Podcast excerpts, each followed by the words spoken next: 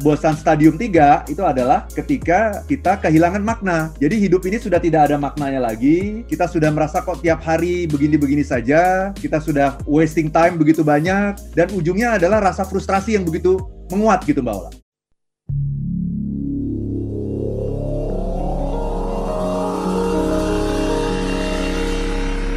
If you wanna be happy, be happy now. Be happy now. Be happy. Smart Happiness Smart Happiness bagaimana merubah mindset, menumbuhkan skill, dan menciptakan tools yang dibutuhkan untuk mencapai bahagia. Bersama Arvan Pradiansa.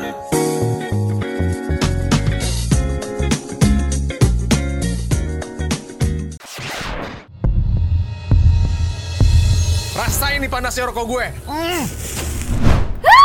Pembajakan! Pembajakan! Mm, lepas, lepas. Diam. Dengarkan podcast Tinggal Nama setiap hari Selasa dan Kamis. Persembahan Video Podcast Network by KG Media hanya di Spotify.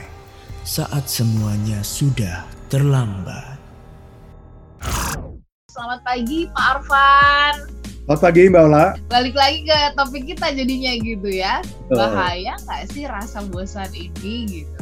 Oke, rasa bosan itu sebenarnya perwujudan atau muncul karena sesuatu yang kita sudah lakukan. Nah, Betul. apakah rasa bosan ini muncul eh, rasa itu muncul eh, karena sesuatu yang sudah terlalu biasa kita lakukan, sehingga eh, tubuh kita atau diri kita tidak lagi mencari sesuatu ada yang berbeda gitu. Jadi karena udah terlalu biasa, udah udah kayaknya udah hatam lah gitu ya. Nah, itukah yang membuat itu rasa bosan atau sebenarnya karena ada ruang kosong di dalam diri kita yang ibaratnya itu adalah tempat makna yang kita hilang gitu. Jadi karena hilang makna sehingga muncul rasa bosan. Terima kasih Mbak Ola ya. Jadi kalau kita bicara mengenai bosan itu eh, bosan itu sesungguhnya adalah sebuah penyakit Mbak Ola ya. Eh, seperti flu juga yang sering dianggap eh, sepele, dianggap remeh dan sebagainya, tapi kalau lama-lama dibiarkan ini bisa menyebabkan kematian sesungguhnya Mbak Ola. Ya. Jadi kita harus lihat bosan itu ada stadium-stadiumnya Mbak Ola.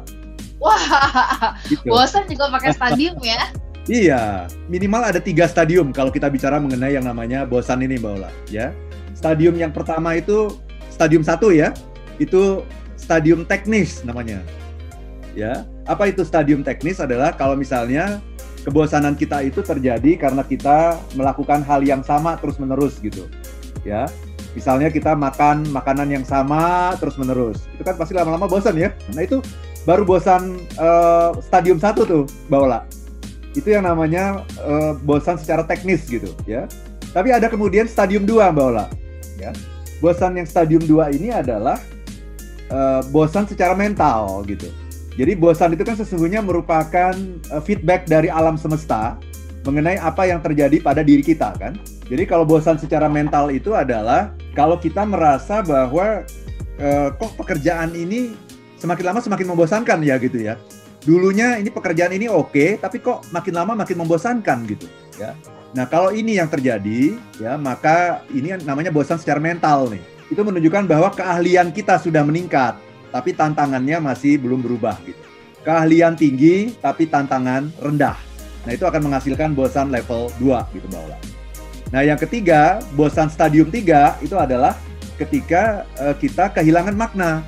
Jadi hidup ini sudah tidak ada maknanya lagi, kita sudah merasa kok tiap hari begini-begini saja, kita sudah wasting time begitu banyak, dan ujungnya adalah rasa frustrasi yang begitu menguat gitu Mbak Ola. Nah ini adalah bosan stadium 3, yaitu bosan karena tiadanya makna. Hmm. Ini yang paling bahaya sebetulnya. Apakah orang yang merasa bosan itu karena dia orang yang sangat passionate banget itu bisa memiliki rasa bosan Pak Arman? Silahkan, monggo dijawab. Bisa Mbak Ola. Nah ini jadi eh, tapi hati-hati ya kita setiap kita merasa bosan kita harus selalu menemukan ini stadium yang mana Mbak Ola. Apakah Hmm, teknis? levelnya ya? Hmm. Betul. Apakah teknis? Apakah mental atau spiritual? Misalnya begini, misalnya Mbak Ola kan passionnya di dunia radio, gitu ya. Mm-mm. Terus eh, tahu-tahu misalnya eh, mendapat pekerjaan sebagai produser gitu kan kan biasanya orang karena peningkatan karir ya. Mm-mm. Awalnya kan awalnya jadi host gitu ya. Awalnya jadi host terus tahu-tahu karena karirnya meningkat menjadi produser udah nggak siaran lagi biasanya gitu kan ya. Mm-mm.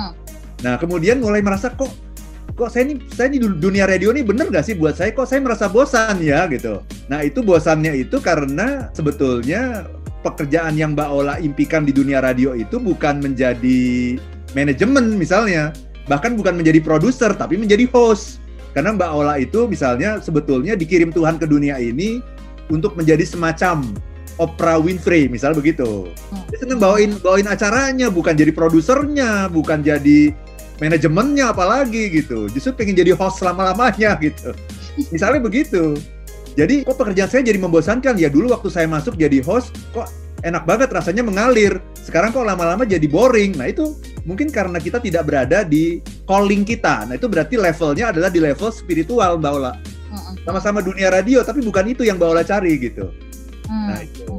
Jadi kita harus harus lihat atau sudah jadi host yang eh, bagus dan sebagainya, sudah berada di posisinya, tetapi kok saya eh, bosan nih karena dari itu ke itu saja. Oh berarti itu simple kalau kalau seperti itu sederhana itu bosan di level teknis.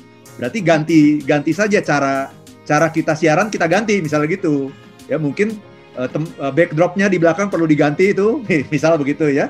Iya. Atau misalnya posisi duduk kita eh, di- Iya. diganti tukeran. Saya yang di, di tempat Mbak Ola, Mbak Ola di tempat saya sehingga kita bisa melihat dari angle yang berbeda gitu. Misalnya begitu itu teknis sekali, itu gampang sekali kalau seperti itu.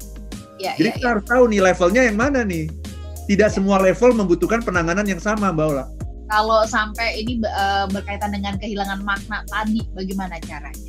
Very good Mbak Ola. Jadi ada eh, rumusnya begini ya, supaya kita tidak bosan itu, supaya hidup kita selalu indah.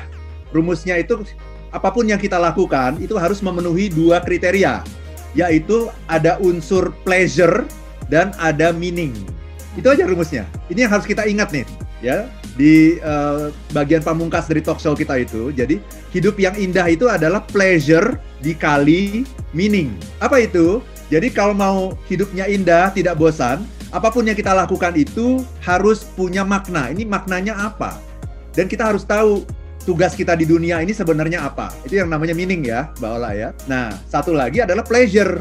Coba dalam apa pun yang kita lakukan, cari unsur pleasure-nya. Apa yang paling menyenangkannya itu apa? Ya misalnya hari ini kenapa saya pakai baju kuning ini? Ini adalah untuk menguatkan pleasure-nya. Kuning ini adalah warna favorit saya gitu. Karena warna-warna favorit saya itu adalah warna-warna yang menyolok gitu ya. Yang merah, kuning, orange, warna-warna yang yang menyolok itu akan memberikan pleasure kepada saya gitu. Dan saya akan sangat bergairah sekali ketika melihat saya pakai baju kuning gitu. Nah, Itu namanya pleasure. Itu bukan makna ya, itu bukan meaning ya Mbak Ola ya, itu pleasure.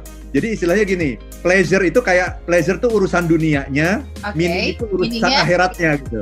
urusan akhiratnya ya. Jadi Oke. begitu. Jadi dua-duanya harus Baik. ada. Apa pun yang Anda lakukan, jangan lupakan meaningnya dan jangan lupakan pleasure-nya. pleasure-nya ya. Kami pamit, sehat-sehat untuk Pak Arfan terus memberikan meaning dan menikmati pleasure-nya ya. Sama-sama Mbak Eh, Ola. saya Ola Nurlija. Dan saya Arfan Pradiansyah. If you wanna wanna be happy, be Be happy. happy now. Demikian Smart Happiness bersama Arfan Pradiansa, penulis buku bestseller Life is Beautiful dan The Seven Laws of Happiness.